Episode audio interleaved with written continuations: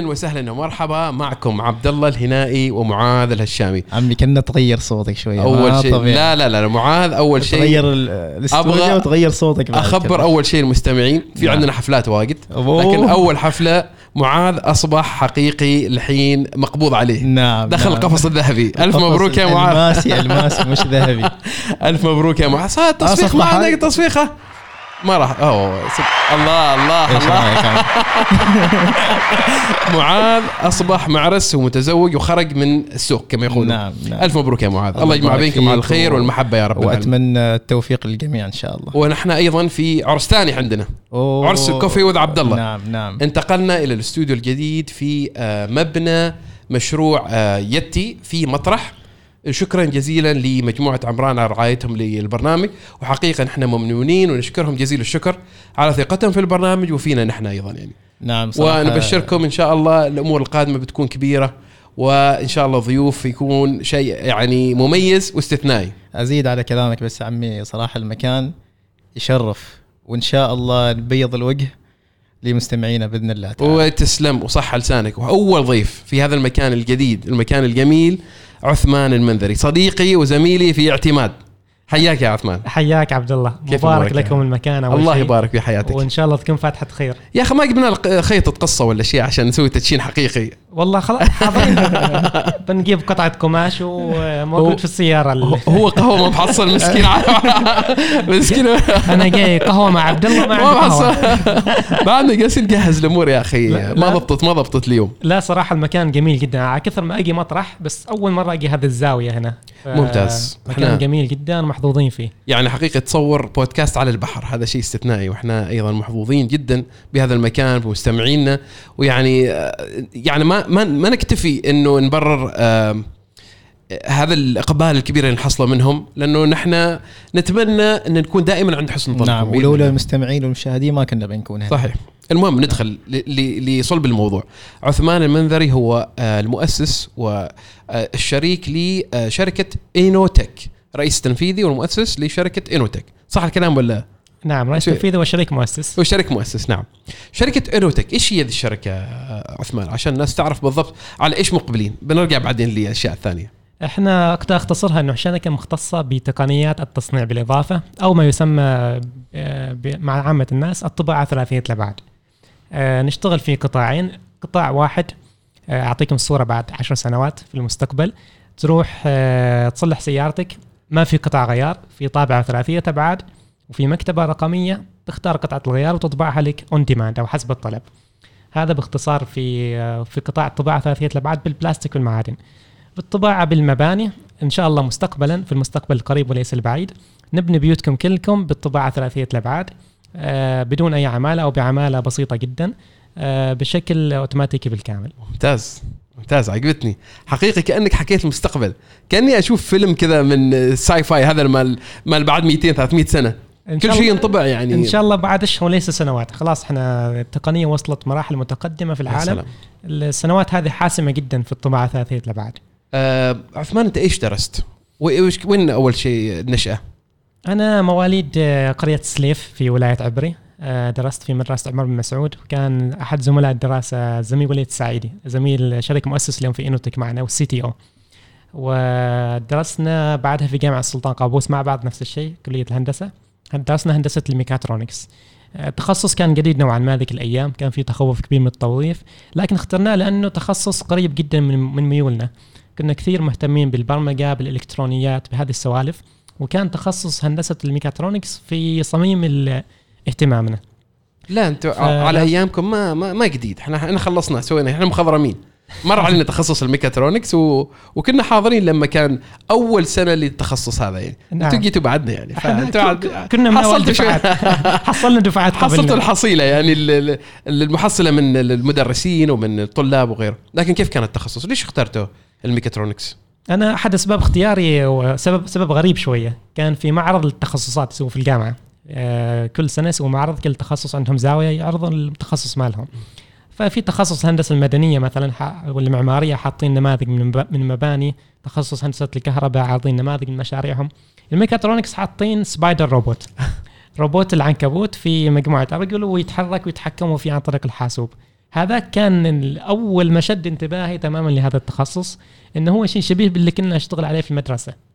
طبعا أيام المدرسة كان أتذكر الكمبيوتر كان حجمه اللي يتذكر الكمبيوترات أيام زمان. أخوي جزاه الله خير كان جايب لنا واحد كان من أوائل الكمبيوترات في الحارة حتى. فكنا نتعلم البرمجة بالسي بلس بلس سي شارب أشياء بسيطة جدا. رحنا الجامعة بغينا نكمل شفنا تخصص ميكاترونكس هو الأنسب لنا. والحمد لله كان فعلا اختيار موفق تخصص له مستقبل كبير جدا. أنت في هندسة الميكاترونكس تدرس شوية من الهندسة الميكانيكية شوية من ال electronics وتدرس في البرمجة وال robotics اللي له مستقبل كبير جدا. وعندك خبرة في البرمجة في ال coding؟ أنا أعتبر نفسي مبرمج سيء. لكن أقول لك عشان تكون اداري جيد لازم تكون تقنيا آه، عندك إمكانيات متوسطة. فأنا إمكانياتي البرمجية متوسطة. آه، إمكانياتي الأكبر كانت في التصميم ثلاثي الابعاد أوه ممتاز. آه، كنت في الشق الميكانيكي أستمتع أكثر من شق البرمجة والإلكترونيات. وبعدين لما خلصت الجامعة وين رحت؟ آه رحت إلى شركة شلمبرجير. آه طبعا أيامها كنا متخرجين 2013 2014 أيامها كان آه في نمو كبير في قطاع النفط والغاز في توظيف كبير حتى توظفنا قبل التخرج. آه كانت تم مقابلات أثناء دراسة الجامعة. اخترت شلمبرجير لعدة أسباب. أحد الاسباب شطار شكله ترى. ما حد يوفقه قبلها. نعم. مش شطار هذا دحاحين كان يلقبوه مصطفى هو هناك نعم، موجود. هو ما فيه. متخرج على أيوه. والله الشباب تو يسمعوك يجيهم غم صراحة. يقول واحد جايب 3.99 وبعده بعد أيوه. أيامها كان الوضع مختلف. آه، شركة مثل شلمبرجي بالعكس كان ما يشوف المعدل التراكمي ابدا. كان يشوفوا المقابلة الشخصية يشوفوا مشروع التخرج يشوفوا إنه هذا الإنسان هل هو فعلا إنسان مال كرف ولا لا. فاخترت شلمبرجي لعدة أسباب. واحد من الأسباب كان إنه أسأل كثير عن الشركات في النفط والغاز. الكل يمدح شلمبرجي إذا تبغى تبنى سي في محترم. إذا تبغى سيرة مه- مهنية قوية جدا تبدأ بشلمبرجير وفي سبب ثاني إنه كثير من اللي تخرجوا من شلمبرجير مدرسة شلمبرجير إحنا نسميها آه، صاروا رجال أعمال ناجحين جدا أو صاروا مهندسين ناجحين في شركات كبرى. فمجرد ما تدخل شلمبرجير ثلاث خمس عشر سنوات أنت فعلا اكتسبت خبرة كبيرة واكتسبت سمعة كبيرة في السوق. ليش؟ آه، أنا أعتقد الحين شفت كنت أيامها ما كنت أعرف ليش الحين صرت أعرف. أعطيك أمثلة كثيرة. أنت البودكاست الماضي مالكم كنت أتابعه اليوم مع مهندس ماجد العامري. كان ex شلمبرجير. صح. آه، معكم آه، رئيس تنفيذي لشركة رحال أحد أنجح شركات في قطاع تقنيات معلومات السلطنة. أكس- أكس كندي. شلمبرجير. وزميل زملائه اثنين محمد الذهلي وعاصم الشبيبي. نفس الشيء ex شلمبرجير. عندك آه، المهندس هلال بوسعيد الخليجي للطاقة. من أنجح شركات الطاقة العمانية. أيضا كان ex شلمبرجير. فأمثلة كثيرة جدا. ناس تخرجوا من شلمبرجير صاروا رجال أعمال ناجحين أو مهندسين ناجحين. وأعتقد سبب طبيعه طبيعة عمل الشركة أنت هناك ما مهندس ولا موظف أنت هناك مسؤول مسؤولية تامة يعني. أنت مسؤول عن حتى تحصيل الفواتير من العملاء أنت مسؤول عن التواصل انت أنت بتاع كله. وإضافة لضغط العمل طبعا ضغط العمل كبير جدا في الشركة خاصة لما تشتغل خارج عمان. أنا لما خلصت المقابله طلبت منهم أروح خارج عمان فاشتغلت في المملكة العربية السعودية والبحرين وقليل في أبو ظبي. كان الاختلاط مع الأجانب. إحنا كان الجنسية الفرنسية كان كبير موجوده هناك. اللاتينوز كانوا موجودين بشكل كبير. ثقافات مختلفة ثقافة العمل معهم. تعرف هذا ناس ما عندهم حياة تحسهم يشتغلوا 15 ساعة في اليوم عادي جدا.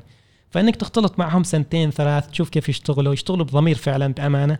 هذا الشيء يترسخ في ذهنك وكونها أول وظيفة حالك هذا يعني انه طول مسيرتك المهنية ممكن تستمر بنفس الرتم. وأيضا يساعدوك لحل المشاكل أو يوكلوك. يعطوك التمكين عشان تشتغل على حل المشاكل. يعني دائما انتبهت إنه الش- الشباب في مثلا اوكسيدنتال شلمبرجير دائما عندهم problem solving skills مهارات حل المشاكل. يعني في ناس okay طيب في شركات أخرى وأيضا تمكن.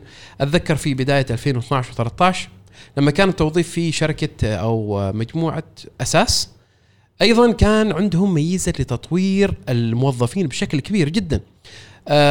بيديو أيضا عندهم ذي المهارة. شفت أنا خريجين آه، مدرسة بيديو آه، أيضا عندهم مهارات مهمة لحل المشاكل.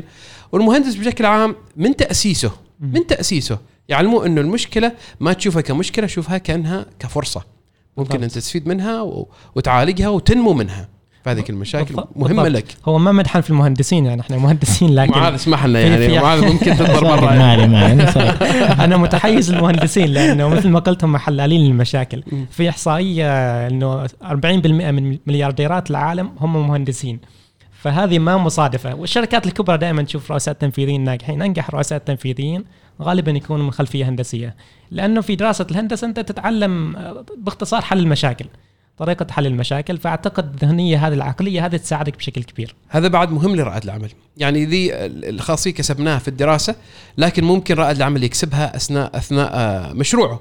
لأنك أنت لما توصل لمشكلة ما تعتبرها جدار. لا لا انت تعتبرها شيء أنت وجب عليك تتخطاه عشان تنمو منه.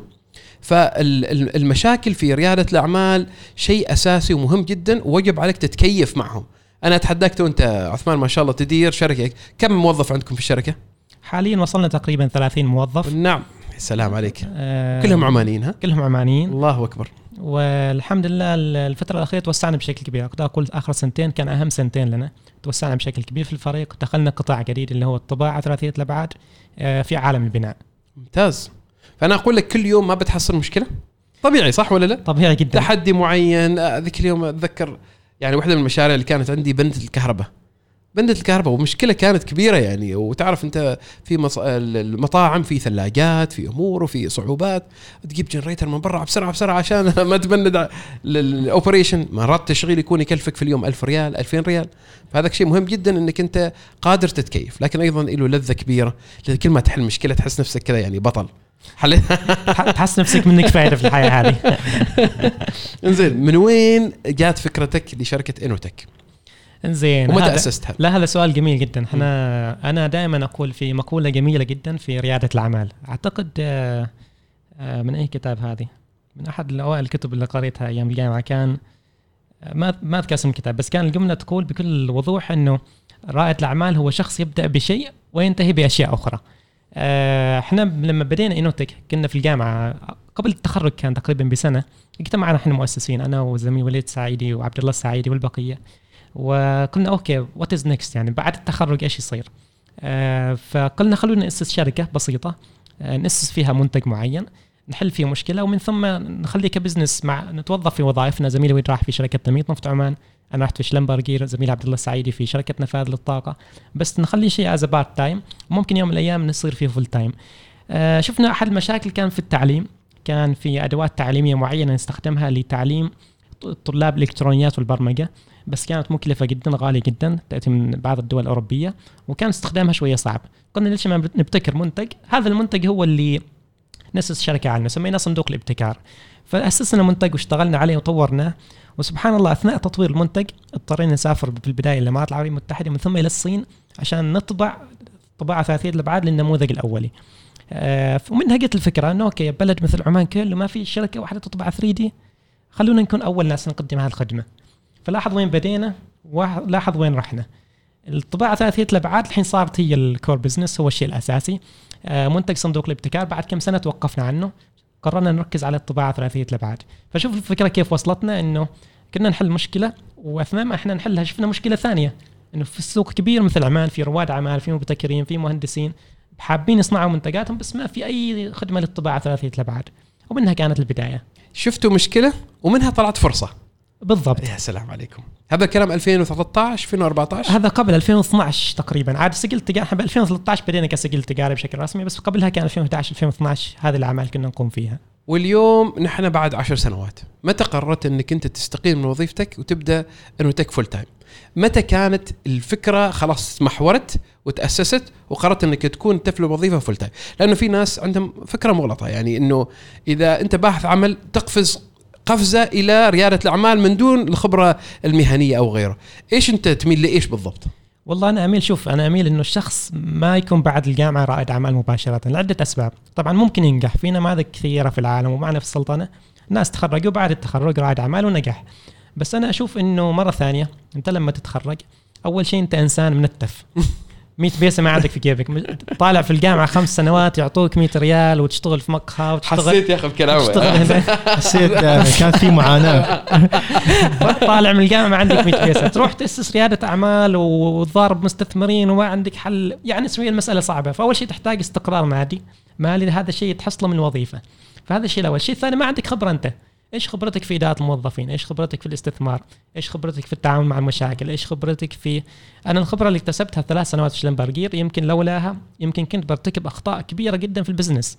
بس رحت هناك شفت كيف آلية العمل شفت كيف الورشة يشتغلوا شفت كيف الإدارة يشتغلوا قسم المبيعات يعني حتى هيكلة الشركة توضح لك بشكل أكبر. فأنت لما تروح وظيفة بعد التخرج تكتسب خبرة تكتسب آه، الكاش اللي يفيدك بعدين على الأقل لنفسك ما لشركتك على الأقل عشان تعيش. شيء أساسي. فأعتقد إنه مهم جدا الشخص يشوف له وظيفة. آه، يمكن واحد يقول لك صعب تحصل وظيفة في بعض التخصصات. ما يمنع أنها تكون بدخل متوسط أو حتى منخفض عشان تكسب الخبرة بس. من ثم تروح لرياده العمل أمثلة كثيرة طبعا. مرة ثانية ذكرنا اللي تخرجوا من شلمبرجي صاروا رواد أعمال. ذكرنا شركة تنمية نفط عمان تخرج ناس كثر صاروا رواد أعمال. وناجحين جدا لأنه عنده الخبرة وعنده الكاش آه، اللي يخليه أفضل بكثير فرصه في النجاح من شخص. تو متخرج من الجامعة يفتقر للخبرة يفتقر للكاش. لكن ما يمنع أنك مثلا تفتح شركة وتشارك شخص عنده خبرة. أيضا ممكن تكون نوع من التكاملية بينكم صح؟ نعم بالضبط. هذا شيء جدا ممكن. التشارك طبعا أحس أحد مشاكلنا إحنا كعمانيه ما نحب نشارك. صح. كثير ناس يبدوا بنفسهم هذا شيء جدا صعب ممكن لكن صعب جدا. وكثير ناس ما يرحبوا بالمستثمرين ما يريد يضحي بنسبة من شركته لأنه يريد ماسك 100% كذا أو ماسك 60% وفي الأخير يمتلك 60% من شيء ما يسوى شيء بينما كان ممكن انت تملك 20% من شركة تسوى ملايين ومليارات. بنخوض في التفاصيل بس متى قررت تستقيل؟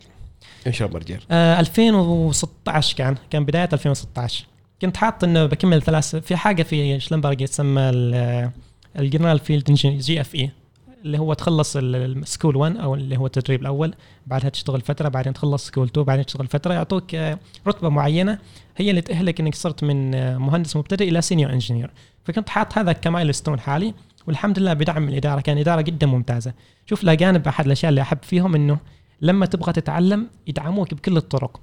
يعني أنا أتذكر لما رحت المدرسة الأولى وخلصت منها تخرجت في زمن قياسي وكان في اعتراض من بعض الأشخاص في الإدارة. مديرنا قال لا دام الشخص باغي يتعلم خلوه خليه يقرب. إذا يغلط ما مشكلة أهم شيء يتعلم. خلصت school 1 رحت school 2 كان في زمن قياسي جدا سنتين وشوية خلصت اللي مفترض أخلصه في أربع سنوات. فلولا الدعم هذا من الإدارة ليش هذا الدعم؟ لأنه عقلية الأجانب دائما هذا شخص باغي يتعلم خلوه باغي يتعلم خلوه ينطلق لا تعرقله أي شخص يبغى يتعلم يعني تمكين مكنوك يعني. تمكين ما طبيعي. أحيانا يكون في ضغط عمل ما طبيعي يقول لك okay بعد العمل أنا افرق عشان تخلص ال course الفلاني. فهذه ميزة موجودة كثير في الأجانب إنه أي شخص أي شخص باغي يتعلم مكنه خلوه ينطلق. ما تعرف هذا الإنسان وين قدام بيصير.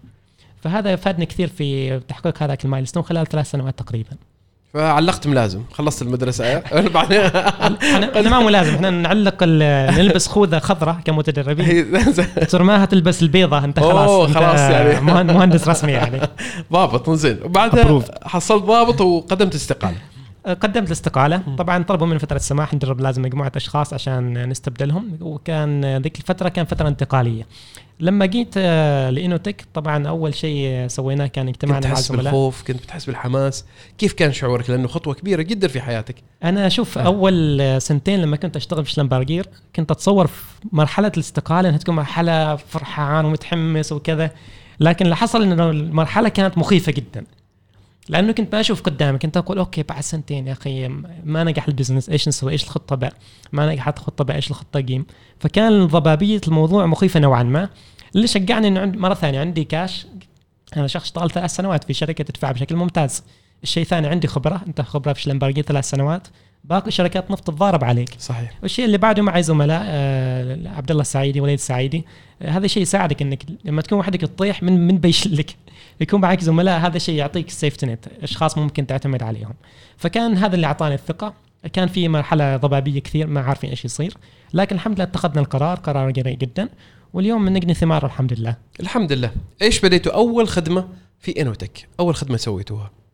كبزنس لأنه أنا آه، زرتكم في المصنع مالكم وما شاء الله شغلكم أكثر من رائع.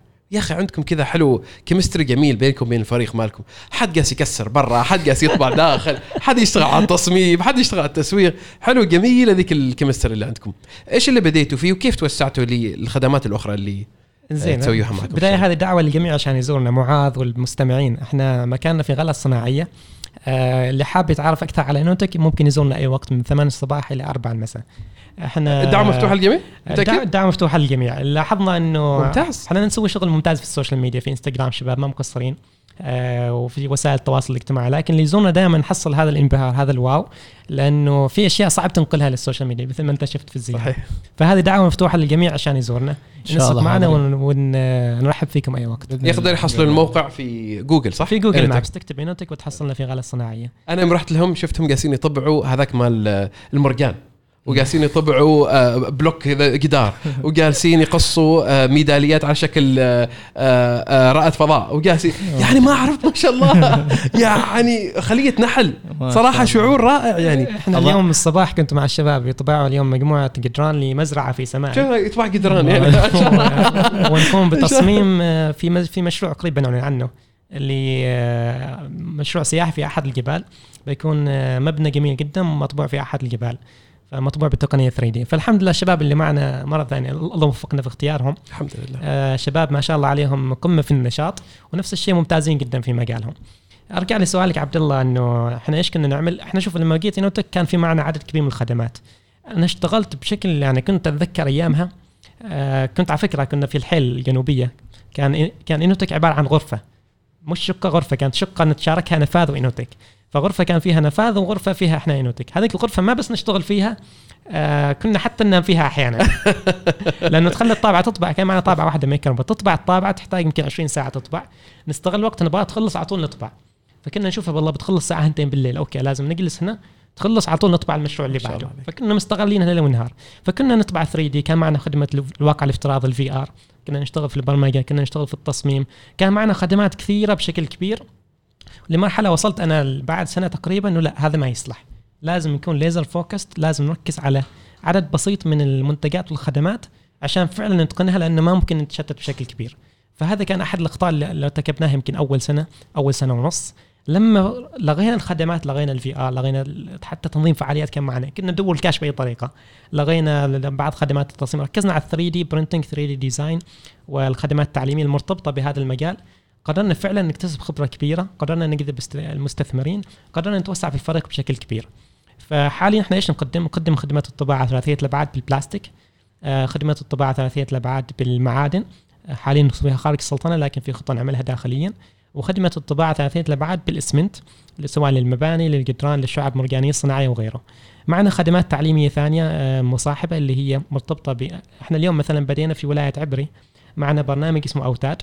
برنامج تدريبي ل 100 معلم و100 طالب في الطباعة ثلاثية الأبعاد. بدعم من؟ بدعم من شركة أوكسيدنتال. وبالتعاون مع وزارة التربية والتعليم. فايضا نشتغل في قطاع التعليم آه، في الثورة الصناعية الرابعة في مجال تخصصنا. معنا المختبر المتنقل مثلا معنا اللي هو حاليا نفسه في في محافظة الظاهرة مصادفة. هو موجود في الظاهرة والداخلية لا. لا هذا غش هذا غش. بيكون عثمان متحيز لعبري والظاهرة. هي مصادفة. المختبر المتنقل معنا أيضا مبادرة يتنقل ما بين مسقط الداخلية والظاهرة اللي هي مناطق امتياز شركة بيبي عمان. نفس الشيء ندرس فيه الثورة الصناعية الرابعة التصميم البرمجة ونركز على الطباعة ثلاثية الأبعاد كشيء أساسي. الأعمار اللي درسوهم؟ من الصف الرابع فما فوق. نبدأ من الصف الرابع اللي هم عشر سنوات تقريبا. إلى الصف الثاني عشر ونكون بمخيمات صيفية أحيانا لطلاب الجامعة الباحثين عن عمل. آه نفس الشيء يعني مدفوع التكاليف. هم بس عليهم يسجلوا. بالضبط هي آه، ممتاز. التكاليف. آه، طبعا ال- آلية التسجيل هي خلال ال social media مرة ثانية تويتر إنستغرام لينكدين. في Innotech نطرح التسجيل. الناس يسجلوا حسب الأسبقية. أحيانا آلية الاختيار تتم من خلال وزارة التربية والتعليم. أحيانا من خلالنا إحنا بشكل مباشر. والولاية القادمة هي بهله إن شاء الله. أيوه. موجودين في الخريطة إن شاء الله. شفت معاذ لكن متى؟ وثقنا. وثقنا فتسوي خدمات تعليمية ب- آه، لقطاع الثورة الصناعية الرابعة اللي هي ال 3D printing البرمجة آه، الروبوتات أيضا. تسويوا آه، كورسات عنها؟ نعم ال robotics الطباعة ثلاثية الأبعاد والتصميم ثلاثي الأبعاد بشكل عام. ممتاز. ليش مسوين هذا الشيء؟ لأنه إذا شفت الوظائف المستقبل الاكثر فيها نقص في السلطنة في الشرق الأوسط هي الطباعة ثلاثية الأبعاد. يتوقع في عشرات آلاف الوظائف قادمة في ال robotics في 3D printing في ال additive manufacturing وفي نقص كبير في المهارات في المنطقة. فقلنا نكون أول ناس ندخل في هذا المجال. مميزين أنتم حقيقة جدا مميزين. آه، إيش الخدمات الأخرى بعد اللي تقدموها؟ تعليمية وأيضا عندكم شركة اسمها D 10 ممكن تكلمني عنها D 10 نعم هي منصة هي منصة 10D مرتبطة بخدمة الطباعة ثلاثية الأبعاد طبعا اسم 10D اللي هي 10D dot om وظيفتها إنه فترة كوفيد فترة كورونا إحنا سابقا كيف كنا نشتغل؟ يجون ناس معنا آه، يعطونا تصميم أو قطعة معينة باغين نصممها ونطبعها أو بعض الأحيان عندهم تصميم باغين نطبعها 3D. جاء كوفيد صار في lockdown الناس هذا ما قدروا يوصلوا لنا. صارت إيميلات رايحة وجاية أحيانا كنا نستخدم Slack واتساب آه، عملية ما منظمة ابدا. خطر هذه المنصة اللي هي منصة تقدر أنت كطالب مثلا جامعة عندك تصميم ثلاثي الأبعاد تقدر آه، ترسله على هذه المنصة آه، بصيغة الطباعة ثلاثية الأبعاد خلال ثواني تحصل سعر الطباعة. تغير الحجم تغير اللون تغير ال material في أنواع كثيرة من البلاستيك على طول تغير السعر. لما تضغط print خلاص إحنا وصلنا في الورشة الشباب يطبعوا حالك. خلال أقل من أسبوع تستلم المنتج مطبوع 3D أمام باب بيتك في صندوق مغلف بشكل جميل مطبوع 3D حالك. فعملنا automation للعملية بالكامل والحمد لله خدمت عدد كبير من طلاب الجامعات خاصة اللي ما عندهم إمكانية يروحوا عندنا وبعض العملاء اللي خلاص صار في ثقة كبيرة بيننا وبينهم في تفاهم كبير. عارفين كيف نريد ملف عارفين limitation مال الطابعة. هذا صار يستخدموا المنصة بشكل ممتاز. كيف ممكن يوصلوا للمنصة؟ آه 10d.om 10d.om wow. فشباب الطلاب الطالبات الباحثين عن عمل الراغبين في بدء مشروعهم ممكن يسووا access يدخلوا للموقع يطبعوا المنتج اللي يريدوه وتعطوهم إياه. وحسب ما فهمت أسعاركم تنافسية كثير يعني بالضبط. هو شوف خلال المنصة إحنا نتعامل ال B to C هم للافراد فأسعارها جدا تنافسية آه عكس الأسعار اللي هي للمؤسسات تكون مختلفة. فراعينا هذا الشيء إنه إمكانيات الطلاب إمكانيات الأفراد تكون أقل بكثير. وأيضا اختيارهم لمواد البلاستيك تكون البلاستيك آه مش البلاستيك الصناعي بتكون بلاستيك استهلاكي فأسعارهم أفضل بكثير. ممتاز. من بعد زباينكم في طباعة ثلاثية الابعاد شوف هذا الحلو في الطباعة أنت عندك زباين يعني كيف أعدد لك؟ عندك آه، الأفراد عندك أصحاب محلات ورود وهدايا يحبوا يطبعوا 3 دي عندك أصحاب ورش السيارات عندهم مشكلة معينة محتاجين قطعة معينة عندك آه، جهات عسكرية عندك آه، وزارات خدمية ومدنية عدد كبير من أصحاب المقاهي يستخدموا المنصه مهندسين طلاب جامعات طلاب مدارس أحيانا. ف يعني كل حد يواجه مشكلة في أنت شايف الصناعات البلاستيكية في كل مكان حولك. كل حد حاب منتج معين بلاستيكي ممكن يصنعه بقطعة واحدة. طبعا ميزة الطباعة ثلاثية الأبعاد تصنع قطعة و100 قطعة. عكس لو رحت للصين ال mass production أو إنتاج بالكميات يقول لك minimum order 10000 لأنه بسوي لك ال design وكذا. لا الطباعة ثلاثية الأبعاد حتى لو حبة واحدة. في مرة من المرات تواصل شخص هو ما تواصل معنا شخص حط في تويتر post كان عنده قطعة صغيرة مكسورة الحجم تقريبا 5 سم آه وعنده جهاز في البيت جهاز الجاكوزي اللي هو مشترنه ب 2000 ريال تقريبا. فتصور ذيك القطعة الصغيرة اختربت تواصل مع الشركة الأم قالوا خلاص إحنا ال service ما ما نعمل هذا الموديل القديم ما في ما في spare parts زين إيش أسوي فيه ارمي زبالة يعني؟ فشفنا تواصلنا معه. آه، طبعنا القطعة أعتقد كلفته 17 ريال تقريبا. ركبها ووفرنا عليه 2000 ريال اللي هي كان ممكن يتخلص من الجهاز بالكامل. فميزة الطباعة ثلاثية الأبعاد اللي هي التصنيع بال أو ال custom manufacturing أو التصنيع بالاختصاص خلينا نقول يمكن ترجمة إنك تصنع أي شيء تريده بالمقاسات اللي تريده بكميات بسيطة ما تحتاج تصنع 10000 و100000 وغيره. بس تحتاج شيء اسمه الهندسة العكسية أو reverse engineering لازم تاخذ القطعة. هذيك بعد تاخذ من عندكم جهد صحيح؟ بالضبط. تاخذ إما القطعة إذا كان في drawing أو رسم الهندسي هذا يسهل بكثير. غالبا ما موجود هذا الشيء. إما تعمل له 3D scanning أو المسح ثلاثي الأبعاد. مثل ما تصور آه، وثيقة 2 دي بالسكانر هذا في 3 دي سكانر تعمل 3D scanning بعض المجسمات ما ممكن 3D scanning شوية معقدة فيها التفاصيل من الداخل. نصممها بال reverse engineering أو الهندسة العكسية. شباب معنا ما شاء الله مبدعين. أي شيء تريد يصممون لك إياه. تبغى نصمم لك آه، مجسم تمثال عبد الله الهنائي تبغى يسوي لك لا تغريني لا تغريني. والله لكن إيش إيش وجهة نظرك عثمان عن مستقبل الطباعة ثلاثيه الابعاد؟ جميل. هذا السؤال قبل كم سنة كان يسبب لنا مشاكل. م. كان لما 2013 نذكر عن الطباعة ثلاثية الأبعاد كل وين وين طباعة وانتوا الأفلام ومال كذا. الحين لا الحين في شركات وفي أرقام وفي ناس يستخدموه بشكل يومي. آه وين وين مستقبلها؟ المستقبل الأول خلينا نقسمها قسمين. القسم الأول قسم ال spare part أو قطع الغيار. القسم الثاني هو ال concrete printing أو الطباعه بالاسمنت. القسم الأول آه ال teaser اللي ذكرناه في بداية ال trailer إنه أنت اليوم تروح تبغى قطعة غيار حل سيارتك؟ آه، حل مثلا حل ميني كوبر رايح تريد قطعة غيار معينة يقول لك والله القطعة ما عندي روح المحل فلان تروح المحل فلان يقول لك والله لازم أجيبها من دبي ولا من الشارقه انتظر يومين.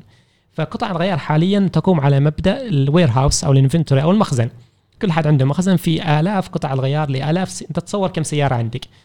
كم براند في اليابان السيارات اليابانية السيارات الأمريكية السيارات الأوروبية وكل واحدة في موديل 2014 15 16 عندك عدد مهول جدا من القطع الغيار عشرات الآلاف. فطبيعي كثير من الأوقات ما تحصل قطعه الغيار. ولو حصلتها تحصل هذاك الشخص صاحب المحل خزنها في الرف عنده لسنوات قبل ما يبيعها. وهذيك لها تكلفة. أنت خزنتها تحتاج المكان فيه تكييف عشان ما تخترب تدفع أجار للمكان تدفع للرف. فعملية متعبة جدا. إيش اللي حصل الحين؟ عشان ما يكون خيال علمي بضرب مثال. في أبو ظبي شركه أحد شركات النفط أه تخلصوا من آلاف قطع الغيار بدلوها بجهاز لابتوب وطابعه ثلاثية الابعاد تطبع بال metal ال metal 3D print سلام يا سلام. فهذا ما خيال علمي ولا مستقبل هذا حاصل. إنه في ناس بدوا يستبدلوا ال warehouse أو المخازن هذه اللي مساحتها مئات الأمتار بلابتوب بسيط فيه مكتبة رقمية في كل التصاميم بس تدخل انت على اللابتوب تحط رقم يعني أنا أتخيل. المخازن اللي حجمها نشوفها في قطاع النفط والغاز والقطع الغيار وال وال ال- إدخال البيانات لكل قطعة وال barcode scanning والمحافظة عليها و... الحين كل ال warehouse بيختفي المخزن فقط لابتوب وآلة طباعة لكن آه، معي. سؤال يعني إذا بغيت أطبع قطعة كم كم الوقت اللي تستغرق للطباعة مثلا إذا كنت مستعجل أبغى قطعة جدا هو شوف الوقت آه، ما هو الوقت؟ يعني آه، بعطيك نقطة الوقت. آه، قبل نقطة الوقت أنا كنت بذكر ال- بالنسبة لل warehousing بجاوب على سؤالك بالأول هذاك بطول لأن. شوف بالنسبة للوقت هي ميزة الطباعة 30 الابعاد تعتبر تقنية سريعة جدا. إذا ما قورنت بالتقنيات الأخرى أنت إيش ال options اللي معك؟ إيش الخيارات اللي أمامك؟ بغيت تصنع قطعة معينة. إما أنك تصنعها بما يسمى ال milling machines أو طرق التصنيع التقليدية مكعب من المادة ألمنيوم أو steel أو وتحفر فيه بآلة الحفر. آه، في الكاستنج في تقنيات ثانية نفس الشيء مكلفه وتطول الطباعة ثلاثية الأبعاد أسرعهم. قطعة غيار معينة تأخذ في العادة حوالي ثلاث إلى عشرة أيام. آه، في بعض الأحيان ممكن تتم خلال يوم واحد إذا كانت قطعة صغيرة.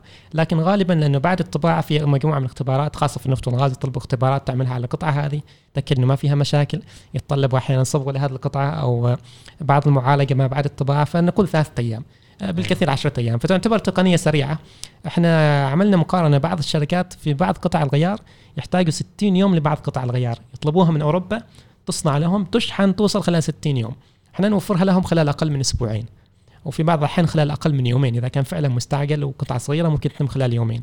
فلاحظ الفرق في السرعة. أنت أيوة. توفر في الشحن لأنه ما موجود في عمان. هذا المصانع بالطباعه ثلاثيه الأبعاد صار موجودة. ثاني شيء توفر في آه، التصنيع بالنفس. إضافة للتكلفة. التكلفة أحيانا تكون أعلى شوية أحيانا تكون أقل شوية حسب التصميم بس بشكل عام هي تنافسية جدا في السعر. أتوقع مع الوقت بتكون أسرع وأسرع. كما يصير الحين في الواح الشمسية. الواح الشمسية في 2010 كانت مكلفة جدا وما مجدية.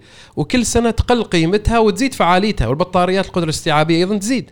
فأتوقع أيضا آه، مع الوقت آه، هي مسألة فقط إنه يتم تطوير التكنولوجيا آه، كل سنة مع زياده الطلب عليها صحيح؟ بالضبط. مثل الخلايا الشمسية في مثال أسهل أنا أضربه دائما. الشاشات LCD نعم، هذه. صحيح صحيح. إحنا أيامنا أيام كنا في الجامعة إذا اشترى شاشة LCD كذا مال 30 إنش أنت مليونير أنت وين مشترينها؟ اليوم تروح أي محل تأخذ لك شاشة 55 65 إنش أو 80 إنش رخيصة جدا. صحيح. فكل تقنية في العالم دائما تبدأ مكلفة لأنه عدد المطورين بسيط لأنه ما فيها سوق كبير بعد فترة تنخفض تكلفة الطباعة انخفضت بشكل كبير آخر عشر سنوات ويتوقع تستمر بالانخفاض للسنوات القادمة. فأتوقع بتكون فعلا تنافسية في السعر في السرعة وفي جودة المطبوعات. هذا في قطاع الغيار والطباعة. إيش المباني؟ إيش تشوفها المستقبل لها؟ المباني. أنا خلني أعطيك القصة ليش دخلنا في المباني أصلا. خبرنا عن قصة ميناء الفحل وبنايتكم آه، بنائكم اللي اللي صار وأعلنتوا عنه قبل تقريبا شهرين. جميل. إحنا شوف آه، كان أول مبنى مطبوع حالنا بس خلف المبنى قصة سنتين وعشرة أيام بالضبط. حلو. حاسب حاسبينها باليوم. إحنا شوف إحنا رواد الأعمال ناس آه، ما نبغى نرتاح. ندور شقة على اعمارنا صح. وإحنا فترة من فترات انوتك وصلنا مرحلة ممتازة كنا خلاص الجانب التعليمي ممتاز مدي بشكل ممتاز جانب الطباعة ثلاثة الابعاد بالبلاستيك مدي بشكل ممتاز. فكنا نشوف أوكي الحين خلاص وصلنا مرحلة لا- لازم ننتقل لخطوة أعلى. كيف ممكن نتطور؟ كيف ممكن نضيف حاجة جديدة؟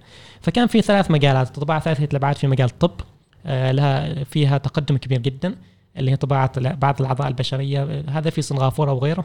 فضلنا نبتعد عنه لأنه تحديات كبيرة فيه. الجانب الثاني ال metal 3D printing طباعة ثلاثية الابعاد بالمعادن اللي هو داخلين فيه جزئيا حاليا. القطاع الثالث هو الطباعة ثلاثية الابعاد بالإسمنت بالخرسانة الإسمنتية للمباني شد اهتمامنا هذا الجانب بدينا نبحث في السوق. حصلنا اهتمام كبير من شركة تنمية نفط عمان. هم نفس الشيء كان عندهم مشروع حابين ينفذوه مصادفة مع أحد من الشركات آه، الدولية. عرضنا عليهم إن إحنا شركة عمانية وهنا أقدم لهم تحية لأن هم بكل شجاعة أيامها لما كنا نكلمهم ما كان عندنا أصلا طابعة ولا حتى تصميم للطابعه كيف شكلها وكيف تشتغل ابدا كان مجرد جلسنا معهم مباشرة رحبوا فينا قالوا خلاص إحنا بنشتغل معكم خلوا الشركات الدولية على جنب إحنا بنشتغل معكم إيش تريدوا منا؟ اشتغلنا على التصميم آه طبعا سافرنا عدة دول نشوف تجاربهم آه شفنا تقريبا أفضل سبع طابعات في العالم بالاسمنت ورجعنا من هناك وكلنا ثقة إنه نقدر نصنع شيء بنفس الجودة وبنص السعر اللي هم يعرضوا فيه. أسعار الطابعات ثلاثية الأبعاد بالاسمنت غالية جدا بشكل فظيع. مثلها مثل أي تقنية جديدة. وفعلا خلال آه، سنتين وعشرة أيام آه، قدرنا نطور الطابعة محليا آه، الطابعة كقسم ميكانيكي ك ال electrical electronics والإلكترونيات وكبرمجة. وقدرنا نطور الخلطة الإسمنتية بالتعاون مع- شركة كلفار وشركة تنمية نفط عمان. وسوينا أول بناية حالنا. سنتين وعشرة أيام بس كانت سنوات أكد لك إنه كان في أيام ما نشوف فيها النوم أصلا. كان جدول مضغوط جدا. فالحمد لله كان أول إنجاز. الحين الخطوة الجاية كيف ناخذ هذه التقنية إلى الجانب التجاري؟ كيف ممكن أي شخص حاب يبني بهذه التقنية نقوم بالبناء؟ كيف ممكن ننافس في السعر مع المقاولين ال- مع تقنية المقاولة التقليدية؟ كيف ممكن نبني بسرعة أعلى؟ إيش الميزات اللي معنا الحين في ال concrete printing بيقول لك واحد طيب أنا باغي أبني بيت ليش؟ يعني الحين مرتاح أبني بيت 100000 مساحة آه، 300 متر بيطلع لي مثلا. ميزة التقنية حاليا الميزة الأولى هي سرعة البناء. آه، المبنى اللي في PDO بنيناه تقريبا في ثلا- ثلاث أسابيع. كم مساحته؟ آم، 50 متر تقريبا 50 متر مربع. نفس المبنى إذا عاد الخبرة اللي اكتسبناها إذا طلب منا نبني نفس البناية متأكد نقدر نسويها خلال أقل من أسبوع. أسبوع 50 متر مربع خلال أقل من أسبوع. مع التشطيب؟ وحتى لو كان المساحة أكبر ممكن خلال أقل من أسبوع. مع التشطيبات. مع التشطيب. مع التشطيبات. هي سر ممتاز. سرعة التقنية لأنه الآلة تبنيها بالكامل. أنت اشتغلت في التصميم اشتغلت اجتهدت في تخطيط مسار الآلة. لما تطبع الآلة نفس الوقت أنت تقوم بتسليكات الماء والكهرباء. ما شاء الله. وبعد ما تخلص البناء تكون عندك وفرت جزء كبير من أعمال. ال mobilization مالكم التح- التحرك مالكم كم تحتاجوا قبل البدء؟ يعني نفترض ان أنتم تحتاجوا تنقلوا معدات مواد. بالضبط. يعني أسبوع مع ال- الح- ال mobilization؟ مع مع نقل الطابعه حاليا نقل الطابعه أحد التحديات اللي معنا عشان ننقل أيوة، الطابعه نحتاج يومين ثلاثة. شفتها نعم يومين معقدة كثير وصعبة يعني. نعم يومين ثلاثة بالنسبة لنا يعتبر شيء كبير لأنه في مهندسين ينقلوا الطابعه جالسين نعمل على النسخة الثانية من الطابعه مالنا. النسخة الثانية تختصر الثلاث أيام هذه لنقل الطابعه إلى أقل من ثمان ساعات. هذا الهدف مالنا. نريدها ما بس يوم واحدة نريد ثمان ساعات. في شركات دولية في شركة في كندا نجحوا في هذا already جالسين ينقلوا الطابعة خلال أقل من 12 ساعة. إحنا نريد نكون أقل من ثمان ساعات. wow. يعني إحنا ممكن نتكلم في غضون السنتين القادمات. بيت متكامل طابقين. ممكن يكون في غضون 48 ساعة؟ إذا إذا مثلا. أعطيك امثله من المنافسين مالنا. إحنا عشان تشوف سرعة التقنية. مثلا في السعودية في شركة هولندية بنوا بناية في 25 ساعة. بناية من طابق واحد مساحة 140 متر. فتصور خلال يوم وساعة. هذا الآن الحين موجودة التقنية. هذا الآن قبل سنتين هذا يعني صار له سنتين المبنى تقريبا. فالتقنية سريعة جدا. أنا أشوف إنه ال- ال- الكل ركز على السرعة الحين في التقنية. إحنا لازم نوازن السرعة والتكلفة. أعتقد إنه مبنى يتم خلال شهر إلى شهرين إلى ثلاثة أشهر مبنى طابقين يعتبر ممتاز. فأعتقد ان التنافس ما لازم يكون على السرعة. مشكلة التقنية الحين ما سرعه مشكلتها هي السعر. سعرها شوية مرتفع. تحتاج آه، تطوير لتقليل التكاليف سواء تكا- تكاليف نقل الطابعات تكاليف المواد المستخدمة في الطباعة المواد الإسمنتية والإضافات اللي فيها وتكاليف المهندسين اللي يشتغلون على الطابعة. هذا اللي التنافس عليه حاليا. كيف ممكن طباعه ثلاثية الأبعاد للمباني يستفيدوا منها الشباب العمانيين؟ أوه سؤال جميل جدا. شوف إحنا أنا بعطيك بعض الأرقام. إحنا مهندسين نحب الأرقام بشكل كبير. يتكلم بلسانك عمي ما شاء الله عليك. جزء لو لا ما تغار ها؟ فضلك لا تغار ها؟ المهندسين، لا آه، تغار لا تغار كلكم نفس الكلام تنظر- يعني. تنظر برا شوية ولا؟ لا، مكاني مكاني. أنا لو ما دخلت هندسة كنت بدخل إحصاء ورياضيات. ما شاء الله. أحب مادة الرياضيات وأحب الإحصاءات. هذا مال السليف يحب الفلوس ترى عشان كذا. إحنا إذا جيت اتكلم عن أرقام اليوم إحصائيات رسمية في السلطنة. معنا قرابة 800 ألف وافد يشتغلوا في قطاع البناء 800 ألف 800 ألف وحسب. إحصائيات غير رسمية يتوقع أن الرقم يصل إلى 1.2 مليون اللي هم عدد كبير مسجلين ك تعرف يسجل كمزارع يشتغل في مواد البناء يسجل صحيح. كحلاق يشتغل مواد البناء يتوقع أن الرقم يصل إلى مليون عامل وافد آه نسبة التعمين في قطاع البناء في عمان هي من أسوأ نسب التعمين على الإطلاق 15% فقط متصور أنت؟ ليش طبعا؟ صعب إنه شاب عماني يروح يشيل طابوق وسميت وفي الشمس وفي الأخير تعطاه 100 200 ريال هذا شيء مستحيل. ما مناسب بيئة عمل صعبة جدا. آه، دخل بسيط جدا. إيش اللي يحصل الحين؟ بال automation بال 3D printing أنت بدل ما تحتاج المبنى اللي عملناه على سبيل المثال بدل ما تحتاج 15 عامل أو 10 عمال أو 20 عامل اللي هم يسمى low skill أو مهارة منخفضة تحتاج ثلاثة مهندسين أو ثلاثة فنيين فقط. ومعهم عامل أو عاملين بس يساعدوهم في التحميل وغيره. فلاحظ طبيعة التغيير. أنت تدفع نفس الشيء العماله اللي تدفعه كنت ل 20 عامل صرت تدفع لخمسه أشخاص. فتقدر تدفع لهم بشكل أكبر تقدر تغير طبيعتهم من low skill إلى high skill إلى أشخاص عندهم technicians أو فنيين أو مهندسين. وهذا الشيء اللي ما بس صار في عمان هذا صار في عده دول. في أمريكا اليوم إحنا نتكلم الحين أكبر مشروع في العالم حاليا في أمريكا في تكساس 100 مبنى مطبوع 3D أربع طابعات كل طابعة شخصين بس يشغلوها. والشخصين هذول الحين يحاولوا إنهم يشغلوا نفس الطابعة والطابعة اللي جنبها. ففي saving كبير في توفير كبير في العمالة وفي تغيير في نوعية العمالة. صحيح. أنا باعتقادي 800 ألف وافد هذا أو المليون وافد هذا ممكن تبدلهم ب 20 30 ألف عماني مهندسين وتقنيين. وإحنا في السلطنة من أكبر دول العالم في تخريج نسبة تخرج المهندسين والتقنيين. في إحصائية ظهرت من فترة إنه من من ال top 10 في نسبة خريجي الهندسة والتقنية. فعندنا خريجين كثر عندنا مهارات كثيرة. ممكن نستفيد منهم في هذا القطاع اللي في نسبة تعمين سيئة جدا. وفي الأخير المستهلك الأخير الزبون دفع نفس المبلغ بس بدل من يدفعوا ل 20 شخص low skill صار يدفعوا لعدد بسيط. ضيف على هذا مشكلة ثانية الحين مليون وافد. لو كل واحد شهريا حول 100 ريال إلى بلده. تتكلم عن 100 مليون ريال عماني شهريا. في السنة 1.2 مليار عماني تضربه في 2.6 بالدولار يطلع لك حوالي 4 5 مليار دولار سنويا تتحول من قطاع البناء إلى إلى دول ثانية. هذا ياثر بشكل كبير علينا علينا كاقتصاد. فأعتقد إنه ضروري جدا إحنا كدول خليج مش بس كسلطنة نهتم بهذه التقنية في اهتمام كبير في المملكة العربية السعودية. إحنا الحين في السلطنة بادين نفس الشيء في اهتمام كبير. أعتقد لازم نهتم فيها بهذا الجانب. كيف ممكن نوفر وظائف بشكل كبير؟ كيف ممكن نوفر أموال البلد في البلد؟ وكيف ممكن نكون مطورين لهذه التقنية ولسنا مستهلكين نستوردها من الخارج ونظل ندفع لهذه الدول المطورة. هو قطاع العمارة والإنشاء دائما في هذا الكلام وتقول لي عنه. لأنه أغلب العمالة تكون من العمالة البسيطة الغير متعلمة. وبعدين يعني كاقتصاد ما يسويوا نقلة نوعية كبيرة بالعكس هم يكونوا مستهلك يعني كما يقولوا التحويلات اللي تصير برا ما يحطوها الفلوس في عمان ما في مجال إنه يشتري عقار أو يستثمر في محل أو ايا كان. وبالفعل هذه مشكلة حقيقية يعني.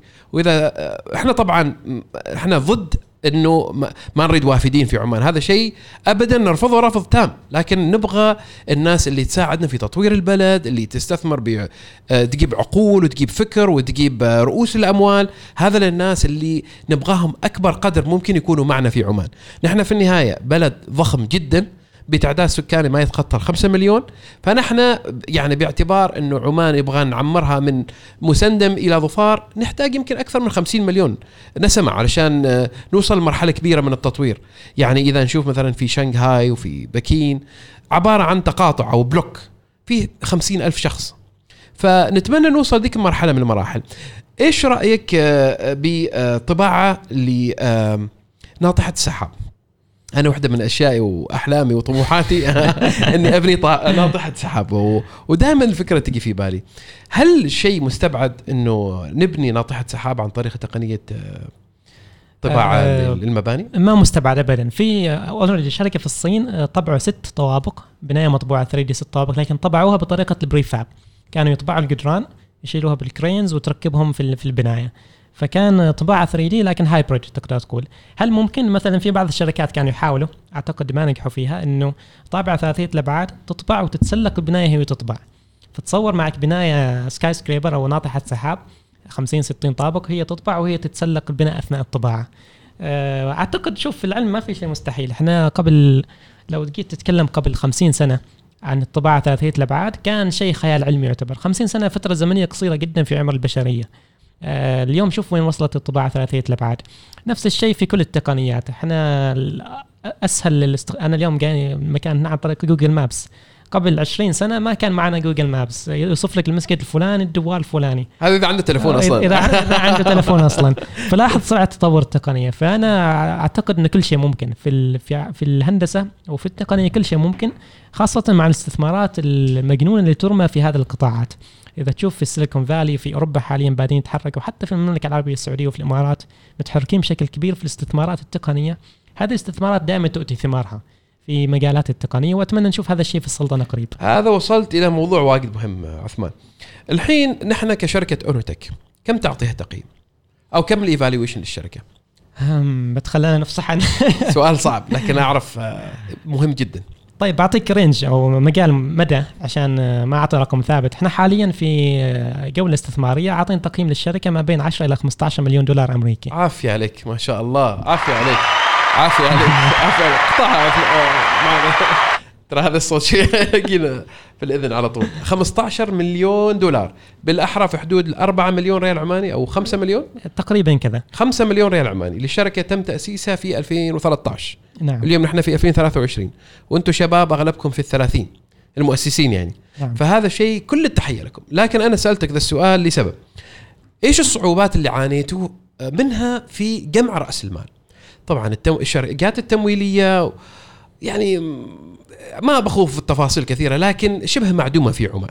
وشفنا أيضا من الاحصائيات اللي ذكرتها في تويتر اللي بعدك تشاركها أيضا مع الأخوة إنه نحن في عمان ورانا مشوار طويل. تكلم عن الموضوع عثمان. زين أنا ذكرت في تويتر قبل يومين كنت اعدت تغريدة لأحد التقارير الخليجية اللي هي في الاستثمار برأس المال الجريء ال venture capital أه حاليا احصائيات السنة الماضية 2022 إحنا الدولة الخليجية الأخيرة في الاستثمار في هذا المجال أعتقد كان رقم 3.5 مليون دولار أو شيء كذا. مش فقط دول الخليج دول العربية كامل. آه، دول عربية. في الشرق الأوسط آه. الدول العربية وغير عربيه فكنا من على مستوى الخليج الأخير آه، وفارق بيننا وبين قبل الأخير سبعة أضعاف اللي هي أعتقد الكويت الكويت أو العراق.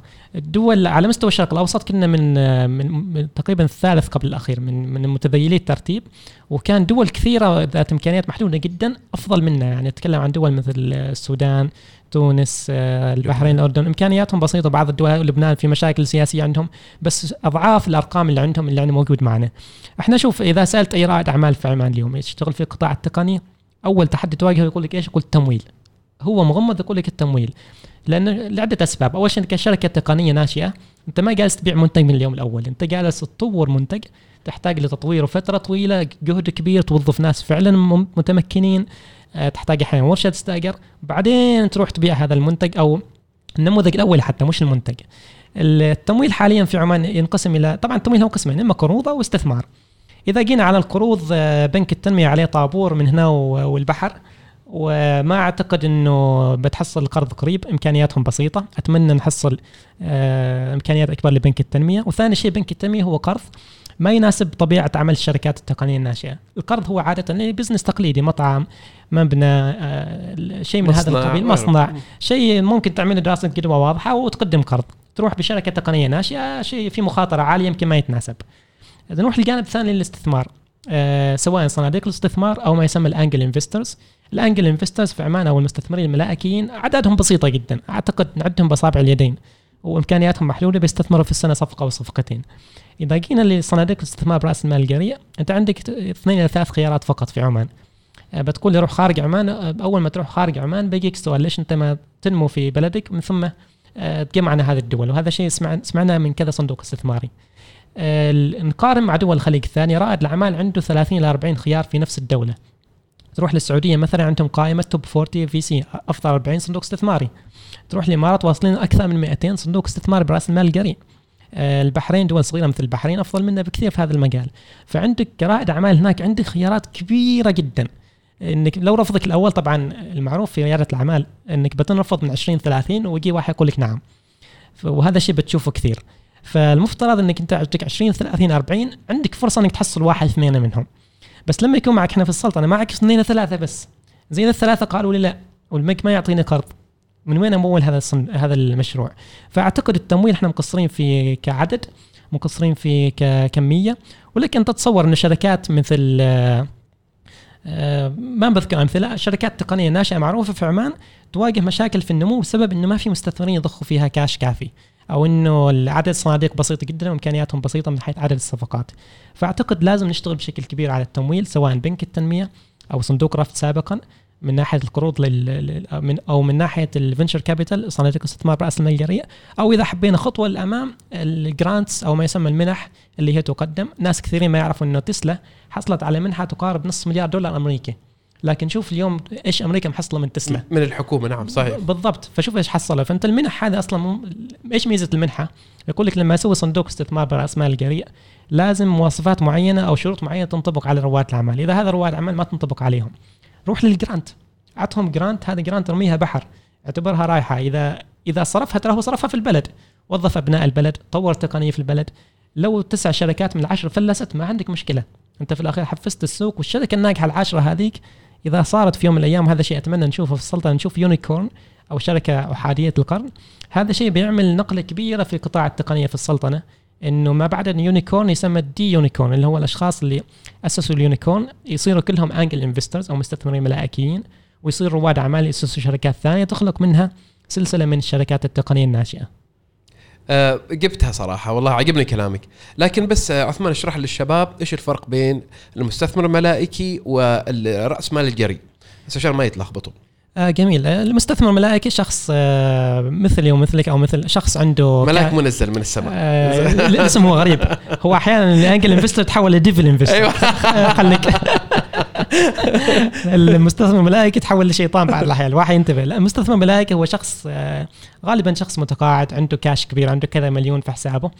ينوع في استثمارات استثمر في العقارات استثمر في السياحة استثمر في مطاعم. وحط مبلغ بسيط والله كذا مليون بستثمر في شركات تقنية ناشئة.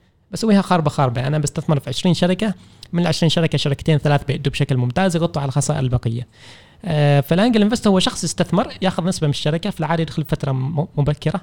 ياخذ 20 30 50 بعض الأحيان يبالغ وياخذ بشكل كبير بعض الأحيان شيء بسيط. فهو كشخص. ال VC ال venture capital هي مؤسسة تقوم تقريبا بنفس الدور. آه، يستثمروا وياخذوا نسبة من الشركة على أمل إنك تنمو بهذه المؤسسة يصير تقييمها عاليا ثم تتخارج التخارج إن إما إنك يستحوذ عليك آه، واحد من الحيتان الدولية يستحوذ عليك أو إنه تروح لما يسمى ال IPO initial public offering تروح لصندوق مسقط الأوراق المالية أو طرح ناسداك أسهم الشركة للتداول طرح أسهم شركه التداول أو إنك تستمر تكون أنا ما أريد أبيع هذه الشركة اريدها تستمر تجني أرباح ومستمرين فيها. آه، طبعا النموذج الأول هو مفضل عندي. ال angel investors ال- ال- الحيتان يجي واحد حيتان يستحوذ عليك. أسهل شيء آه، هذا سواء. المستثمر الملائكي ممكن يكون ترى أخوة إنه عثمان هو فكره كبير لكن ممكن يكون على 10000 دولار 50000 دولار 60000 دولار. تعرفوا في مرات يكون معارض على مستوى العالم. في أنا حضرت معرض في تركيا أيضا في الأردن وفي تونس عبارة عن معرض لكل شباب أصحاب الأفكار ويكون المستثمرين الملائكيين يمروا على هذا الناس وما يطلعوا غير في تشيك في إيدهم. يعني لازم يكون ال presentation في أقل من ساعة ويطلع بمبلغ في إيده على طول انه هذا الأسهم هذه الشركة عندك أوراقك مكتملة تطلع منك وفي إيدك فلوس. كما هذا الوقت كما هذا ال- ال- ال- السرعة اللي الحين تكلمنا عنها عثمان عن الطباعة ثلاثية الأبعاد عن التقنية اللي جالسة كل يوم تتغير. كما هذه الأشياء أيضا تواكب التسارع في الشركات أو الجهات ال- الاستثمارية. صارت تبغى تكون سريعة. في ياما ناس آه، واللفظ ال unicorn أو الوحيد القرن آه، هذا ال- ال- ال- الكائن الخرافي اللي يتكلموا عنه بما معنى إنك أنت تحط مثلا 10 ريال في شركة في غضون سنة سنتين ثلاثة بتصير ال 10 ريال إلى مثلا 500 ريال. هذاك اللفظ اللي يطلق عليه ال unicorn. فكما هذه الأشياء واقعية وموجودة في شركات آه، حتى من عمان يعني بنتكلم أيضا عنها الشركات العمانية اللي أصبحت unicorn. الحين آه، في آه، استثمار مع شركة اسمها إيرجو. عثمان عندك خبر عنها؟ نعم قبل يومين كان في المملكة العربية السعودية أعتقد 2.6 مليون دولار تقريبا حصل استثمار. مليون. ريال عماني. مليون ريال عماني. بالضبط. فهي فعلا هذه زين ذكرت هذه النقطة. أنا أوجه دعوة أعتقد في عمان إحنا مقصرين في مسألة ال angel investors في نشر الوعي. خاصة الفترة الأخيرة صار عدد كبير من الناس راحوا للتقاعد. غالبا مكافآت التقاعد يحبوا يأخذوها كاستثمار. فالاستثمار في العادة العقار، العقار لأنه شيء آمن ومضمون، ما يمنع ان الشخص يستثمر في العقار بس هذه دعوة لكل كل الأشخاص اللي عندهم رغبة في الاستثمار عندهم مبلغ ممكن يضحوا فيه أو يغامروا فيه شوية يستثمروا في الشركات التقنية الناشئة. طبعا هم ال- الأنجل انفستر مثل ما قلت ما لازم يحط لك مليون دولار لا. ممكن يبدأ من 25 ألف ريال عماني وطالع. ممكن حتى من 10000 ريال عماني وطالع لأن الشركات في مرحلة مرحلة البداية مرحلة الفكرة خلينا نقول ياخذوا مبالغ بسيطة تتكلم عن 100 ألف دولار ويضحوا بنسبة 10% من الشركة. فهذه الشخص اللي يستثمر في شركة مثل هذه أعطي مثال الشخص اللي استثمر في الفيسبوك من أوائل المستثمرين صار المبلغ البسيط اللي حطه يسوى مليارات بعد كم سنة. فإحنا نفس الشيء هذه دعوة للأشخاص اللي ما سبق لهم عن سمعوا عن هذا المصطلح الأنجل انفستمنت أو الاستثمار الملائكي ممكن إنهم يستفيدوا من خبرة البعض. بعض الدول إيش يصير؟ هذا كثير منتشر في الإمارات العربية المتحدة إنه تحصل شخص يأسس صندوق من مجموعة angel investors هم يحطوا المبالغ. هذا الشخص عنده خبرة 20 سنة في إدارة الأصول في الاستثمار. هو اللي يديرها حالهم هو اللي يستثمر في عدة أماكن. فممكن نشوف صناديق مثل هذه مستقبلا في السلطنة. ممكن نشوف مجموعة من الأشخاص يتعاونوا يشكلوا صندوق استثماري بسيط. ممكن الشخص بنفسه يسمع عن أي شركة. وهنا نستغل الفرصه نسوق عاد آه. إحنا إحنا في منتصف آه، جولة استثمارية الحين يا شباب 15 مليون دولار إن شاء الله نبغى نوصلها 150 مليون دولار والله تستاهل على الشغل 150 بس. الله يهديك عبد الله 150 إحنا. باغين إحنا باغين 1 بليون ال target نكون unicorn والله صحيح عندكم هذا الطموح موجود الطموح عندكم. الطموح؟ والله عجبتني. أعتقد عجبتني. لازم كل واحد يطمح له الحين نعم. اي أي رائد اعمال يبدأ لازم يكون في ال unicorn لأنه ماش ماشي صعب ولا مستحيل الإمارات وصلوا له في شركة آه، سوق دوت كوم كريم وصلوا له في بس لأنه. عندهم براءات اختراع. هل تفكروا يكون عندكم براءات أو آه ملكية فكرية؟ أكيد أكيد. هذا شيء أساسي. شوف ال- غالبا أنت إيش اللي يعطيك ال- القيمة السوقية العالية؟ التقنية اللي تمتلكها. تمتلك تقنية عالية فعلا وفيها تحدي والمنافسين. إذا بغوا يطوروا نفسها بيحتاجوا سنوات ودهور وسنين. الشيء الثاني يكون عندك traction أو آه، آه، س- خلينا نقول عدد قاعدة عملاء كبيرة جدا. مم. أرقام تتكلم. عندي دخل كذا سنويا عندي أرباح كذا سنويا. يكون عندك هذا وهذاك الاثنين وضف عليهم فريق عمل قوي جدا. آه، ممكن يعتمد عليه. هذا الثلاثة مع بعض تعطيك تقييم عالي جدا. صحيح. والشركات اللي وصلوا لمرحله ال unicorn ترى هم ما أفضل منا في شيء. هم فقط اشت- اشتغلوا في أسواق أكبر منا يعني أنت لو تشتغل في سوق مثل مصر في مدينة واحدة فيها 30 مليون شخص غير لما تشتغل في سوق مثل السلطنة آه، الدولة كلها فيها مليونين شخص تقريبا اللي هم آه، متوسطي الدخل. فأعتقد إنه ممكن نشوف شركات تقنية ناشئة عمانية تصير يونيكورنز خلال السنوات القادمة. هذا المتأمل إن شاء الله. يعني أنت في تقنية المعلومات آه، عثمان عندك ميزة كبيرة في عمان. انه ممكن تكون هي قاعدة لك. عمان ممكن تكون قاعدة لك لأنه الكفاءات من المهندسين والشباب اللي موجودة في عمان ترى نادرة على مستوى الخليج ومستوى العالم العربي. عندنا كفاءات مميزة. وأيضا إحنا المصاريف أو التكاليف التشغيلية لنا أيضا بسيطة. إذا أنت تكاليفك التشغيلية في الرياض أو في دبي أو في دبي أو في الدوحة أعلى بكثير من في مسقط. مع إنك أنت في مسقط ممكن تأخذ مكان مميز. فنحن ممكن ما نحكر نفسنا إنه أنا أبيع للعمانيين أو المقيمين في عمان 5 مليون. لا أنت خذ لك عمان كقاعدة وابدأ اشتغل على مستوى العالم العربي مستوى الخليج العربي. العالم العربي 450 مليون. الخليج العربي 50 مليون نسمة إذا ما نحسب آه، العراق. إذا حسبنا العراق ممكن يوصل 90 مليون نسمة. فنحن ممكن نعتبر عمان كقاعدة لنا للتاسيس الحمد لله الانترنت عندنا سريع. التكاليف تشغيل أرجع. أيضا الضرائب عندنا ترى لا تزال بسيطة. نعم، مقارنة في بالضبط. السعودية مثلا السعودية 15% ال- ال- ال- الفات والتضخم عندهم اللي والتضخم نعم عالي. إذا أنت في عمان تدخل ب 10000 نفس المشروع في السعودية تبدأ يمكن يتخطى لك ال 50 60 ألف. بعدين صارت تنافسية شديدة. هذا صحي طبعا الاقتصاد لكن حالك أنت كمبتدئ في عمان مريح جدا يعني. أنا أعرف شباب مستثمرين يجوا من أبو ظبي ومن دبي عندهم رأس مال بسيط يبدوا في عمان. ويبنوا قاعدة لمشاريعهم ومطاعمهم وشركاتهم وأفكارهم وبعدين ينطلقوا للخليج. بالضبط. هي شوف آه، السلطنة مكان ممتاز عشان تبدأ فيه لكن أهم شيء إنه الشخص يكون عنده تفكير من البداية إنه يتوسع. صحيح. دائما اتجه للسوق الخليجي. أنا من أول ما بدينا خاصة في قطاع ال- الـ concrete 3D printing أو الطباعه ثلاثية الأبعاد بالاسمنت كنا نستهدف بالأخص السوق السعودي لأنه أكبر سوق خليجي. بس آه، صعب جدا أو شبه مستحيل إن السوق صغير مثل عمان تركز فيه بالكامل. ابدأ فيه مثل ما قلت البدايه في ميزات السعر تكلفة التشغيل أقل عندك عندك أراضي صناعية بالهبل فاضية تعال وخذ حق انتفاع آه، بأسعار ممتازة عندك الضرائب تعتبر منخفضة عندك المهارات الموجودة الشباب تقدر توظفهم آه، بدون تنافسية عالية مثل ما صاير في بعض الدول. فأعتقد في ميزات كبيرة فعلا لازم نستغلها. أهم شيء إنه الشخص يشوف إنه هذه محطة انطلاق وليست هو السوق هذا يتذمر. إن السوق هذا ما كبير وخلاص. إيش وجهة نظرك عن الشركاء؟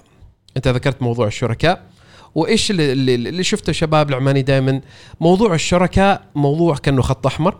موضوع التخارج أيضا موضوع خط احمر أه، خط أحمر. إنه أنا ما أبيع شركتي ابدا. بينما نموذج العمل الحقيقي في شركات الاستثمار الجريء يمشي أصلا إنه بعد ثلاث سنوات تتخارج. فترة معينة توصل مرحلة معينة من النمو خلاص هم الشركة تتخارج وأسهم إذا تريد تشتريها حي الله ما تريد أنا ببيعها في السوق العام يعني في آه على مستوى العالم. فإيش رأيك في موضوع المشاركة وموضوع التخارج؟ آه ذكرتها في البداية فعلا. إحنا شوف أول شيء الشراكة أنا أؤمن ما حد يبدأ بنفسه. صعب جدا. يعني مو في ناس بدوا بنفسهم وأسسوا شركات ونجحوا. لكن أنا شخصيا من تجربتي مريت بمراحل في سنوات كانت جدا صعبة. أتكلم عن 2017 أول بدايات 2017 و2019 يمكن لو ما كان معي زملائي وليد سعيدي وعبد الله السعيدي يمكن كنت ببساطة بستسلم. لأنه انت كانسان إنسان ضعيف يعني بتمر عليك شهرين ثلاثة ورا بعض صعبات ومضغوط ومن هنا مشاكل ومن هنا يمكن تستسلم في أي لحظة يمكن تجيك فكرة من هنا وهناك بس لما يكون عندك شركاء لما تضعف هم يمسكوا ال steering مثل ما يقول هم يشجعوك هم يحفزوك هم ال safety net مالك. هذا يساعد بشكل كبير. ثاني شيء انت كشخص مهاراتك محدودة. يعني إنك ممتاز دائما تشوف شركات في أمريكا دائما ال CEO أو رئيس تنفيذي وال CTO اللي هو الرئيس التقني. فتحصل هذا شوف الابل مثلا الآيفون. كان ستيف جوبز هو الشخص اللي يطلع ويلعي ولسانه طويل و presentation ممتاز. هو هو اللاعي لكن المخترع الحقيقي المهندس الحقيقي ستيف وازنياك. اللي ما اعتقد ما اعتقد كثير ناس ما يعرفوا أصلا ولا شافوا. هو كان اللي وصل كل هذه الابتكارات ببعضها هو اللي اخترع هو اللي برمج هو اللي صمم. فهذا الاثنين يكملوا بعض. دائما أنت كشخص ما ممكن ت... سبحان الله الشخص اللي عنده مثل ستيف وازنياك المهارات التقنية العالية هذه تحس له مهارات التواصل عنده ضعيفة. اللي شاف فيديوهات لستيف وازنياك شخص كشته كذا أينشتاين وجالس يشتغل في الورشه وكذا. فهذا تصور تحطه CEO. مصيبة. وهذا شفناها في عمان كثير. واجد ناس هو أصلا ممتاز تقنيا في الجامعة سوى ابتكار سوى اختراع. شلوه غصب باغين يصير CEO يا جماعة ما يصلح ما عنده مهارات تواصل ما عنده مهارات إدارة. هذا خلاه في ورشه خلاه في مختبر خلاه يبتكر يبدع. لا تقتله بالجانب الإداري. فالشراكة هذه ميزتها أنت ممتاز في الإدارة خليك إداري. ممتاز في التقني خليك تقني. وإذا عندكم شريك ثالث ممتاز في العلاقات يكون ممتاز نفس الشيء يساعد في ال business development والاستثمار وغيره. فأعتقد الشراكة شيء مهم جدا. سالفة إنه 100% حالي. مرة ثانية أنت 100% من شيء ما يسوى حاجة. أفضل تمتلك 10% من شيء يسوى يسوى مليار. فبيكون حصتك منه 100 مليون. فالشراكة أنا أشوف إنه الشخص لازم يراجع نفسه إنه صحيح. الشراكة هي نجاح حالك وحال الكل. يعني مثلا إيلون ماسك يملك من تسلا 17% حسب ما أتذكر أقل من 20% فعلا. أقل من 20% أيضا آه آه الأمازون آه جيف بيزوس جيف بيزوس بيل جيتس كلهم كلهم بدأوا يدخلوا مستثمرين ثم شركاء وصلوا مرحلة عندهم أقل من 20% لكن كم قيمتها هذيك؟ صحيح. آه هل تؤمن بتدريس طباعة ثلاثيه الابعاد لطلاب المدارس؟ أكيد أكيد. أنا إحنا اجتهدنا كثير في الفترة الأخيرة. البرامج اللي نفذنا برنامج أوتاد اللي ذكرناه برنامج المختبر المتنقل مع بي بي نشتغل أيضا مع وزارة التربية وزارة التعليم العالي آه، نفذنا ل 17 كلية. لا يكون متطلب مدرسي. آه، صار في الصف العاشر. بداية من من هذه السنة أو من السنة القادمة أعتقد بيكون في الفصل الدراسي الثاني الصف العاشر. في آه، تقنية معلومات في منهج خاص بالطباعة ثلاثيه الابعاد طورته وزارة التربية والتعليم بالتعاون معنا في خطة ليكون للصف الخامس والثاني أيضا مناهج خاصة في الطباعة ثلاثيه الابعاد فستدرس إن شاء الله بشكل رسمي لكل طالب. هذا خبر حصري ولا معلن عنه؟ إحنا نعتبره خبر حصري حالة. حصري حالة. خبر حصري بمناسبة المقر الجديد. بس بيكون في المدارس الخاصة ثنائية اللغة أو فقط المدارس حتى الحكومية. جميع المدارس. ممتاز. جميع المدارس نعم. ممتاز. في الصف العاشر راح يكون متطلب. دراسي. بيكون نعم في كتاب تقنية المعلومات. حاليا هو تشابتر بسيط أو منهج بسيط لكن طموحنا نطور فيه بشكل أكبر عشان مثل ما قلنا هي أحد أهم وظائف المستقبل واللي نتوقع إنه لازم كل حد يتعلم أساسياتها في المدرسة. يا أخي ونعمك والله يا عثمان. حقيقي أنا متشرف إنك أنت أول ضيف معنا في هذا الاستوديو الجديد. والله أبدأ. آه. حقيقي ولا لا معاذ إيش رأيك؟ يعني أنت بكبرك منهج الله والله العظيم صحيح صحيح. هذا بدون قهوة دير بالك. أي نعم. إيش عثمان كلمة توجهها للشباب؟ الباحثين عن العمل رواد الأعمال آه، الشباب ذو الأفكار طلاب المدارس إيش إيش كلمة توجهها من تجربتك اللي خضتها إلى الآن في اونوتك والله أنا ما في مرحلة أنصح الناس بعدنا يعني يا عبد الله كبرتنا إحنا. والله إنك تنصح. لا نعم نعم ما شاء الله عليك يا أخي. بحر والله يبارك فيك يا رب. والله أعتقد إنه ما ما نستعجل النتائج أنا أشوف كثير ناس بدأ سنة وأقل من سنة وتشوفه سكر أو تساله فلان كيف؟ قال لك خلاص والله ما شيء فائده إحنا يمكن الناس يشوفوا الصورة الناجحة من الشركات. إحنا مثلا من 2013 ل 2016 كان part time okay من 2016 إلى 2019 ما حد يعرف إنوتك. أكد لك لو قلت إنوتك في أي مكان ما حد يعرف. فكنا سنوات نشتغل خلف الكواليس. سنوات كان نضارب في التشريعات. سنوات كنا نضارب في مع المستثمرين. المسألة ما تتم في يوم وليلة. خاصة إحنا في عمان نتكلم بصراحة التشريعات معنا والجهات الحكومية فيها تعقيدات كبيرة وفيها بطء كبير يتطلب منك فعلا تكون إنسان صبور. فيمكن النصيحة اللي أعطيها أي حد يكون فعلا إنسان صبور. أول لحظة يبدأ يحط في باله الاسوء إنه هذا الشيء ممكن يتعرقل سنوات أنا ما أستسلم الاستسلام هذا ما خيار ممكن أغير اتجاهي ممكن أغير الفكرة ممكن أغير الأسلوب لكني أستسلم هذا الشيء ما موجود. فيمكن هذا النصيحة الاهم إنه الشخص يكون فعلا شخص صبور ويتحمل يعني هذا شيء خارج عن إرادتك لما التشريع يأخذ له سنتين يطلع وأنت جالس تنتظر ترى ما بيدك شيء لكن تصرف سوى شيء ثاني اشتغل في أشياء ثانية تحرك استمر في الضغط اطرق كل الأبواب حاول إذا الباب الأول مسدود الثاني العاشر عشرين من أجمل القصص اللي قريتها مال ديزني ديزني لاند اللي كنا نعرفها.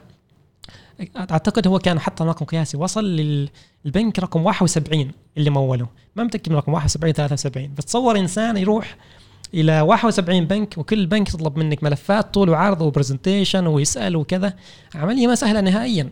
إحنا في الجولة الاستثمارية هذه اللي ذكرت لك إياها اللي بتعلن قريب إن شاء الله كلمنا أكثر من 30 مستثمر من كل دول الخليج وكل واحد تجلس معه يمكن أسبوع أسبوعين من تفاوض اتصال. في الأخير يمكن يقول لك هذا المجال ما يناسبني أو هذه الدولة أنا ما أشتغل فيها أو يعطيك شروط ما توافق عليها. من 30 بتطلع اثنين ثلاثة بس. هذا يعتبر نسبة زينة 10% فأتمنى إنه الكل يكون مستعد للأسوأ يشتغل يجتهد وما يشوف لأنه في تسويق خاطئ لرواد الأعمال في عمان إنه هذا الشخص خلص من وظيفته أو طلع ونجح.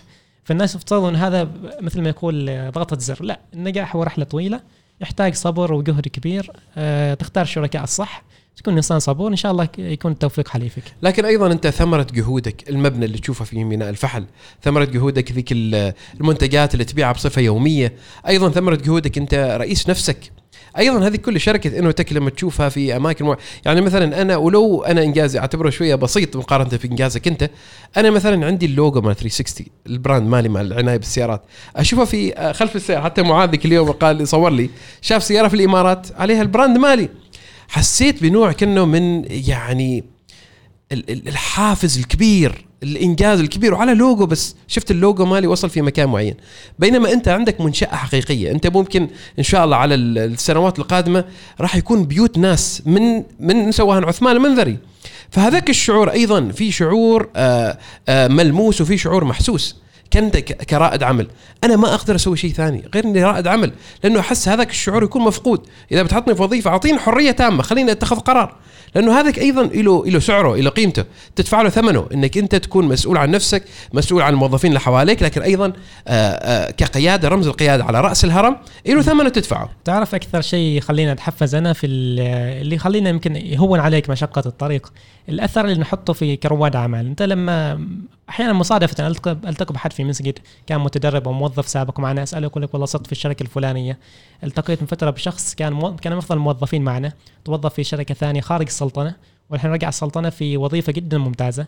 فإنك تشوف حطيت أثر في هذا الأشخاص إن هم بعد التخرج كنت أنت أول شخص وظفهم. اكتسبوا مهارات العمل من عندك سنة سنتين راحوا لوظيفة أفضل. الأشخاص اللي دربناهم دربنا آلاف الأشخاص آخر كم سنة سواء طلاب مدارس طلاب جامعات اللي هي البرامج التدريبية. لما تلتقى بشخص مصادف يقول لك أنا دخلت البرنامج فلان تعلمت المجال الفلاني منكم. لما تلتقى بشخص صار في كبرى الشركات كان. موظف بسيط معك. هذا شيء يشجعك إنك حطيت أثر ولو بسيط. ساهم في تنمية البلد.